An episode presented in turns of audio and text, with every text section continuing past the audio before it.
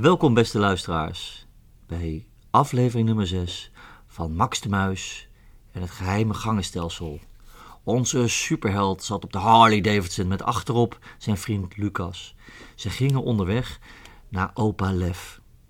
Opa Lev had een werkplaats en daar zat hij met een aantal vrienden. Ja, het is niet precies de werkplaats van Opa Lev, want hij is niet van hem, maar meer van een paar vrienden. Een soort gezamenlijk rommelhok, waar opa met zijn maatjes een beetje aan het klussen is. Best handig, want als je fiets of je broodrooster kapot was, die mannetjes die waren hartstikke handig. Maar de meeste tijd leken ze met elkaar koffie te drinken en vooral sterke verhalen te vertellen. Als opa Lev echter zijn keel schraapte om over zijn avonturen te vertellen, dan was iedereen direct stil. Want het was bekend dat opa Lev echt veel had meegemaakt. Eerst als commando bij de Special Forces en daarna vertelde hij vaak over zijn vele reizen op zijn motor. Ja, ook een Harley Davidson, maar toen eentje die heel heel oud was, zo'n echt zo'n plofding. Mooi, vond Max dat. Ja, Max was natuurlijk niet voor niks op een Harley Davidson terechtgekomen. Opa Lev was zijn voorbeeld. Max' favoriete verhaal ging over de reis van opa Lev naar Kaapstad. Hij vertelde dan: Vanuit Tromsø vertrok ik op een regenachtige morgen. Met niet meer dan vijf onderbroeken en een tandenborstel, zo vertelde opa Lev. Om na vier maanden Zuid-Afrika binnen te rijden. Dit verhaal verdeelde, verdeelde opa Lev over vele dagen. Steeds een klein stukje, steeds dieper zuidelijk. Al in Duitsland werd het spannend, toen ik op de weg ineens omringd werd door een motorbende. Ze zagen er gevaarlijk uit en dwongen mij om te stoppen. Misschien zagen zij me aan voor een lid van een andere bende, of wilden ze me bang maken, zo vertelde hij. Maar niets was minder waar. Ze hadden mijn bijzondere motor gezien, prachtige Harley, en wilden deze graag van dichtbij bekijken. S'avonds was de leider van de bende zo gastvrij om een vark aan het spit te rijgen en deze boven een groot kampvuur te braden. Er was veel bier en we hadden dus ook veel, ja Max, plezier. Jaren later zijn ze nog eens in Tromsø langsgekomen, zo lachte opa Lev. Je had de burgemeester moeten zien toen die bende op dikke, dikke Harley Davidsons luid brullend de stad binnenreed. Hij was als de dood dat Tromsø ineens de misdaadhoofdstad van Noorwegen zou worden. Dat is grappig. Ook vandaag zaten de oude mannen aan de koffiebar en opa Lev was blij verrast om Max en Lucas te zien. Hé hey, mannen, wat leuk dat jullie langskomen. Wat is er aan de hand? Moet ik iets repareren? Een broodrooster misschien, Max? Hahaha, wij repareren alles, zo riep hij.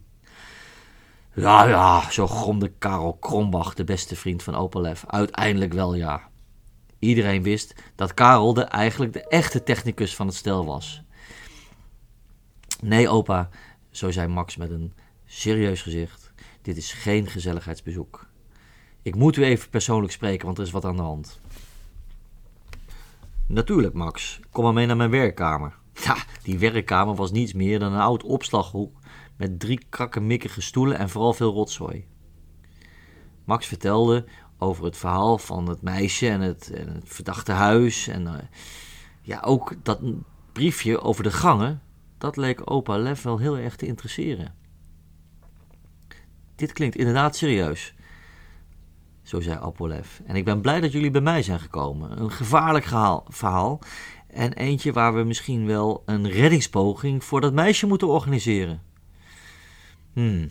Als opa Lev echt serieus was, dan krabde hij zich altijd drie keer achter beide oren. En dit keer leek het er wel zes. Oei! Max voelde zijn wangen weer gloeien. Dit is echt. Ook Lucas voelde de spanning. Poeh. Oké, okay, zei Opelev. Ik ga jullie iets vertellen over de gangen van Tromsø. Inmiddels was ook Karel erbij gekomen en dat was prima. Opa Lefs beste vriend was volledig te vertrouwen en wist ook veel. Vooral over techniek en dat bleek in dit geval heel waardevol. Wat bijna niemand meer weet, is dat net na de oorlog het gemeentebestuur van Tromsø besloten had dat de burgers letterlijk ondergronds moesten kunnen schuilen. Dus als het weer oorlog zou worden en de bommen zouden vallen, dat de burgers dus onder de grond moesten kunnen schuilen. Zo vertelde Opelev. En men had bedacht dat het dan prettiger zou zijn als er de mogelijkheid was om te kunnen bewegen tussen de verschillende ruimtes. Dus dat er verschillende uitgangen zouden zijn. Zo begon men met een hele grote graafoperatie net buiten de stad. Daar zouden nieuwe wijken komen. En dat was natuurlijk veel handiger dan om de hele oude stad open te breken. Max en Lucas snapten dat plan en vonden het best slim. Maar waar kwamen die gangen dan? Opa, vroeg Max. Dit keer gaf Karel het antwoord. Precies waar jullie de verdachte woningen hebben gezien. Toch, Lef? Opa Lef knikte bevestigend. De hele wijk Rustenburg en ook een stukje van de Rivierenwijk, zo ging Karel verder. Een heel groot gebied met een heel tunnelstelsel. Eigenlijk best maf dat niemand dat meer lijkt te weten. Precies, lijkt te weten, zo riep Max. Want dat briefje van het meisje uit het verdachte huis wijst toch op die gangen? Ho, ho, ho, Max, niet zo snel, zei Opa Lef. Het klinkt wel logisch, maar misschien bedoelden ze iets anders. Hmm, er is maar één manier om dat uit te vinden, zo zei Max. En hij trok daarbij het superhelder gezicht dat vriend Lucas zo goed kende. En dat betekende actie. Ja, zei Max. Opa, Karel, Lucas, we gaan ondergronds. En hoe ze dat gaan doen, horen jullie in de volgende podcast van Max de Muis en het geheime gangenstelsel.